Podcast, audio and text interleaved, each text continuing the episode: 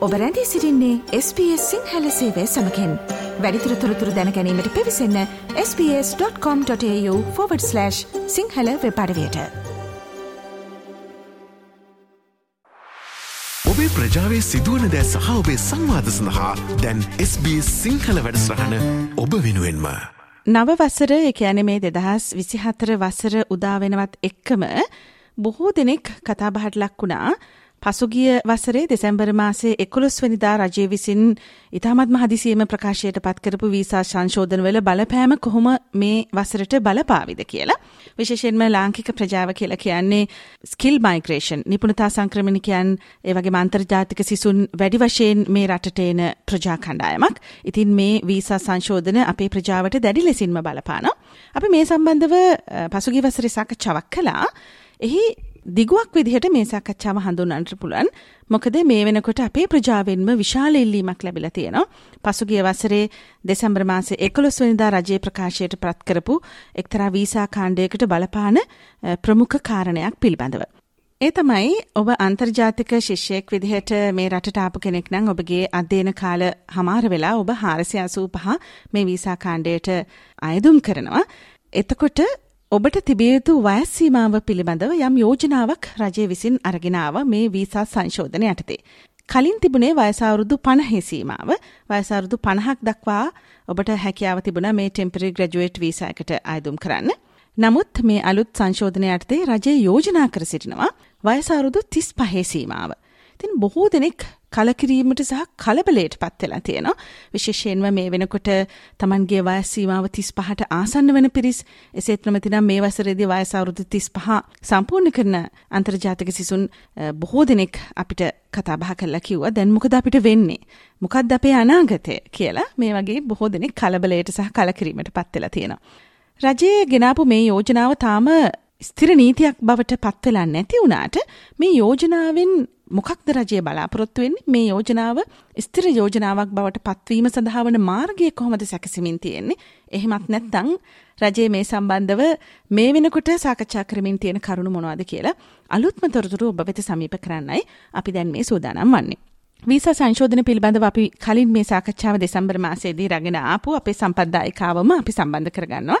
මේ අතිරේක කරුණු විමසා බලන්න. ඇය දකුණු ඔස්ට්‍රේලියා ප්‍රාන්තයේ ඇඩ්ලේඩ් වල ලියාපදිංචි සංක්‍රමණික ඒජන්තවරයක් විදිහට කටයුතු කරන SBS සිංහල සේවයට නිරන්තරයෙන්ම මේ වීසා සම්බන්ධව තොරතුරු අපිට පැහැදිලි කරන්න සම්බන්ධ වෙන දේශානී දියුණු කළගේ. දේශානී අයිබෝවන්. අයිබෝවන් දිල්රුක්ෂි. අපි මුලින්ම පැහැදිලි කර ගනිමුද දැන් යම් කෙනෙක් ශිෂ්‍ය වීසා කාලය අවසන් වෙලා 485 වීසා සඳහා ඉල්ලුම් කරනකොට වයස අවුරුදු 35ට ආසන්න වෙලා හිටියොත් එමත් නැත්නම් 35 සම්පූර්ණ කරලා හිටියොත් ඒ අයට මොකද වෙන්නේ මොනවද ඒගොල්ලන්ට ගන්න පුළුවන් ක්‍රියාමාර්ග කියලා ඔව් දිල්රුක්ෂි ඔයා කිව්වා වගේම ඔස්ට්‍රේලියානු රජය විසින් මයිග්‍රේෂන් ස්ට්‍රැටජි එකක් එහෙම නැත්නම් සංක්‍රමණික නීති වෙනස් කිරීමට සංශෝධනය කිරීමට පහුගිය අවුරුද්දේ දෙසැම්බර් 11 වෙනිදා යෝජනා ගොඩක් ඉදිරිපත් කරා. එතකොට අපිට දැක ගන්න ලැබුණා ඇක්ෂන් 8ක් මේගොල්ලෝ ඉන්ට්‍රොඩියුස් කරලා තිබුණා. ඉතින් මෙහිදී හඳුන්වා දෙන්න නියමිත එක වෙනස්කමක් තමයි ටෙම්පරරි ග්‍රැජුවේට් වීසා වලට අයදුම් කරන කට්ටියගේ වයස් සීමාව 35 දක්වා කෙටි කිරීම. දැනට ඔයා කිව්වා වගේ මේක පවතින වයස අවුරුදු 50 වයස් සීමාවේ. රජය මේ වෙනස්කම සිදු කරන්න ඇත්තටම බලාපොරොත්තු වෙන්නේ 2024 මැද භාගය කියලා අපිට කියලා තියෙනවා මයිග්‍රේෂන් ස්ට්‍රැටජි එකේදී. හැබැයි තවමත් තීර දිනයක් නැති නිසා අපි මේ අලුත් නීතිය බලපාන්නේ කවදද කියලා කියන්න දන්නේ නැහැ. මීට සමගාමීව ස්ටුඩන්ට් වීසා වලත් යම් යම් වෙනස්කම් යෝජනා කරලා තියෙනවා. ඒ එකක් තමයි ස්ටුඩන්ට් වීසා එකකින් එකකට ඇප්ලයි කරන්න බැරි කරන එක. ඒ කියන්නේ වීසා හොපින් කියලා කියන එක නතර කරන්න මේවා කරලා තියෙනවා. ඉතින් මේවත් එක්ක 485 වීසා එකකට ඇප්ලයි කරන්න බැරි කෙනෙක් කියන්නේ වයස 35ට වඩා වැඩි කෙනෙක්ට ඊළඟට ගන්න වීසා එකක් මේ අවස්ථාවේ කියන්න හරිම අමාරුයි. මොකද අපි තාම මේ නීතිය ඇවිල්ලා නැති හින්දා ඒක කියන්න ගොඩක් අමාරුයි දිල්රුක්ෂි. ඔව් දැන් අපිට විවිධ ආරංචි ලැබෙමින් පවතිනවා දේශානි දැන් මේක මේ තාම හරියට තීරණය කරලා නැති හින්දා යෝජනාවක් පමණක් වෙන හින්දා මේක මේ නීතිය අලුතෙන් අන්තර්ජාතික සිසුන් විදිහට මේ රටට පැමිණෙන අයට පනවාවි දැනට මේ රටට ඇවිල්ලා අධ්‍යයන කටයුතු කරමින් ඉන්න හෝ අවසන් කරන්නට නියමිත අන්තර්ජාතික සිසුන්ට මේක බල නොපාවි කියලා. ඔබට මේ සම්බන්ධව ස්වදේශ කටයුතු දෙපාර්තමේන්තුව පැත්තෙන් ඉමිග්‍රේෂන් එක පැත්තෙන් මේ සම්බන්ධව තොරතුරු වාර්තා වීමක් තියෙනවද? නැත්නම් යම් සාකච්ඡාවක් තියෙනවද මේ පිළිබඳව? ඔව් ඇත්තටම දිල්ලුක්ෂි දැන් මීට පෙර සාමාන්‍යයෙන් මේ වගේ වෙනස්කමක් සිදු කරනකොට රජය විසින් ට්‍රාන්සිෂන් පීරියඩ් එකක් දෙනවා. ඒ කියන්නේ උදාහරණයක් විදිහට දැනට ස්ටුඩන්ට් වීසා ඉන්න කෙනෙක්ට මේක බලපාන්නේ නැහැ. මේ අලුත් නීතිය බලපාන්නේ නැහැ. හැබැයි අලුතින් ස්ටුඩන්ට් වීසා ආයදුම් කරන කෙනෙක් තමයි මේ අලුත් නීතිය බලපාන්නේ.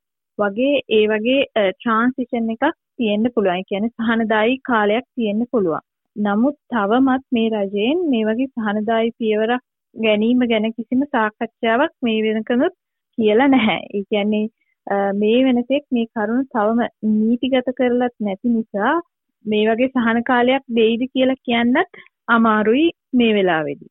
හොඳයි දේශානි දැන් ඇත්තටම රජය මේ වගේ පියවරක් අරගෙන තියෙන්නේ ඇයි? ඔබට මොනවද ඒ පිළිබඳව වාර්තා වන තොරතුරු? ඔව් දිල්රුක්ෂි රජය මේ වගේ තීරණයක් ගන්න කලින් ගොඩක් පරීක්ෂණ කරලා තියෙනවා. ඒ අනුව තමයි ඒගොල්ලෝ හොයාගෙන තියෙන්නේ දැනට තියෙන net මයිග්‍රේෂන් එක අඩු කරන්න ඕනි කියලා. ඒ කියන්නේ ඒගොල්ලොන්ට පෙනිලා තියෙනවා ගොඩක් ටෙම්පරරි වීසා හෝල්ඩර්ස්ලා කන්ටිනියස්ලි ඔස්ට්‍රේලියාව ඇතුලේ ඉන්නවා කියන එක. ඉතින් ඒක අඩු කරගන්න තමයි ඒගොල්ලෝ ගොඩක් මේ ස්ට්‍රැටජි එකෙන් හදන්නේ.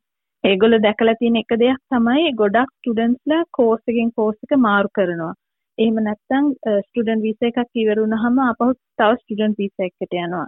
එහෙම නැත්නම් ටෙම්පරරි ග්‍රැජුවේට් වීසා එකේ ඉඳලා ආපහු ස්ටුඩන්ට් වීසා එකට යනවා. ඒගොල්ලෝ කවදාවත් පර්මනන්ට් රෙසිඩෙන්සි එකකට ඇප්ලයි කරලා මෙහි පර්මනන්ට්ලි ඉන්න අවශ්‍ය කටයුතු කරගන්නේ නැහැ කියන එක. ඉතින් ඒගොල්ලන්ට ඕනේ කවුරු හරි කෙනෙක් ස්ටුඩන්ට් වීසා එකකට ආවහම ඊට පස්සේ පර්මනන්ට් රෙසිඩෙන්සි එකකට දාගන්න බැරි නම් ආපහු තමන්ගේ කන්ට්‍රි එකට යන එක තමයි ඒගොල්ලෝ මේකෙන් බලාපොරොත්තු වෙන්නේ. ඉතින් රජය බලාපොරොත්තු වෙන බැචලර්ස් හරි මාස්ටර්ස් එකක් හරි ඉවර වුණ ගමන් 485 එකට ඇප්ලයි කරයි කියලා ඉදිරියට එන ස්ටුඩන්ට්ස්ලා මොකද ඒජ් රෙස්ට්‍රික්ෂන් එක තියෙන හින්දා ඉක්මනටම 485 එකට යනවා මිසක් ඒගොල්ලෝ තව කෝස් එකක් කරන්න පෙළඹෙන්නේ නැති වෙයි කියලා ඒගොල්ලෝ මේ යෝජනාවලින් බලාපොරොත්තු වෙනවා. ඉතින් ඒකෙන් ඒගොල්ලෝ හිතන්නේ తాවකාලිකව හැමදාම ඕස්ට්‍රේලියාවේ ඉන්න කට්ටිය අඩු වෙයි කියලා. දේශානි දැන් අපි ගියවර ඔබත් සමග සිදු කරපු සාකච්ඡාවේදී ඒ කියන්නේ රජය විසින් මේ වීසා සංශෝධන සඳහා යෝජනා ගෙනාවනි ගිය අවුරුද්දේ දෙසැම්බර් මාසයේ 11 වෙනිදා. එතකොට අපි ඔබත් එක්ක සිදු කරපු සාකච්ඡාවේදී මේ ඉංග්‍රීසි භාෂා නිපුණතා මට්ටම සලකා බැලීම සඳහා ගෙනාපු යෝජනා පිළිබඳවත් අපි එහිදී සාකච්ඡා කළා. මම කෙටියෙන් මතක් කිරීමක් කරන්නම්. අන්තර්ජාතික සිසුන් විදිහට මේ රටට එන අයට 5.5ක ඉංග්‍රීසි භාෂා නිපුණතා මට්ටමක් තිබුණේ. ඒක 6 දක්වා ඉහළ නංවන්නට රජය යෝජනා කළා. ඊට පස්සේ අධ්‍යයන කටයුතු නිමා කළා 485 වීසාවට එසේත් නොමැතිනම් ටෙම්පරරි ග්‍රැජුවේට් වීසාවකට අයදුම් කරද්දී කලින් තිබුණේ ඉංග්‍රීසි භාෂා මට්ටම 6ක්. දැන් ඒක 6.5ක් දක්වා වැඩි කරන්න රජය යෝජනා කරලා තියෙනවා කියලා අපි මීට කලින් මේ සංශෝධන පිළිබඳව කතා බහ කරද්දී කතා කළා. මම කෙටියෙන් මතක් කිරීමක් කළේ. දැන් තවත් අලුත් කාරණාවක් පිළිබඳව තොරතුරු වාර්තා වෙමින් තියෙනවා. ඉංග්‍රීසි භාෂා පරීක්ෂණය මේ ප්‍රතිඵල සඳහා වලංගු කාල සීමාව යම් සංශෝධනයක් කරන්න යනවා කියලා. ඒ මොකක්ද දේශානි? ඔව් දිල්රුක්ෂි ඔයා කිව්වා වගේම දැන් කලින් 485 වීසා එකට IELTS 6 overall ලකුණු මට්ටම තමයි අවශ්‍ය වෙලා තිබුණේ.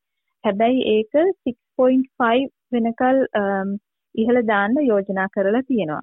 මේ වෙනස 2024 මුලදී සිදු කරන්න නියමිතව තියෙනවා. තවමත් හැබැයි තීර දිනයක් අපිට ලැබිලා නැහැ. මේ අතර මේ ළඟදී අපිට දැනගන්න පුළුවන් වෙච්ච දෙයක් තමයි සාමාන්‍ය ඉංග්‍රීසි පරීක්ෂණවල ප්‍රතිඵලය අවුරුදු දෙකක් එඩියුකේෂන් සෙක්ටර් එකට වළංගුයි. මයිග්‍රේෂන් පර්පසස් වලට නම් අවුරුදු 3. ඒ අනුව කලින් 485 වීසා එකට අවුරුදු 3ක කාලයක් වළංගුයි ඉංග්ලිෂ් එක්සෑම් එක.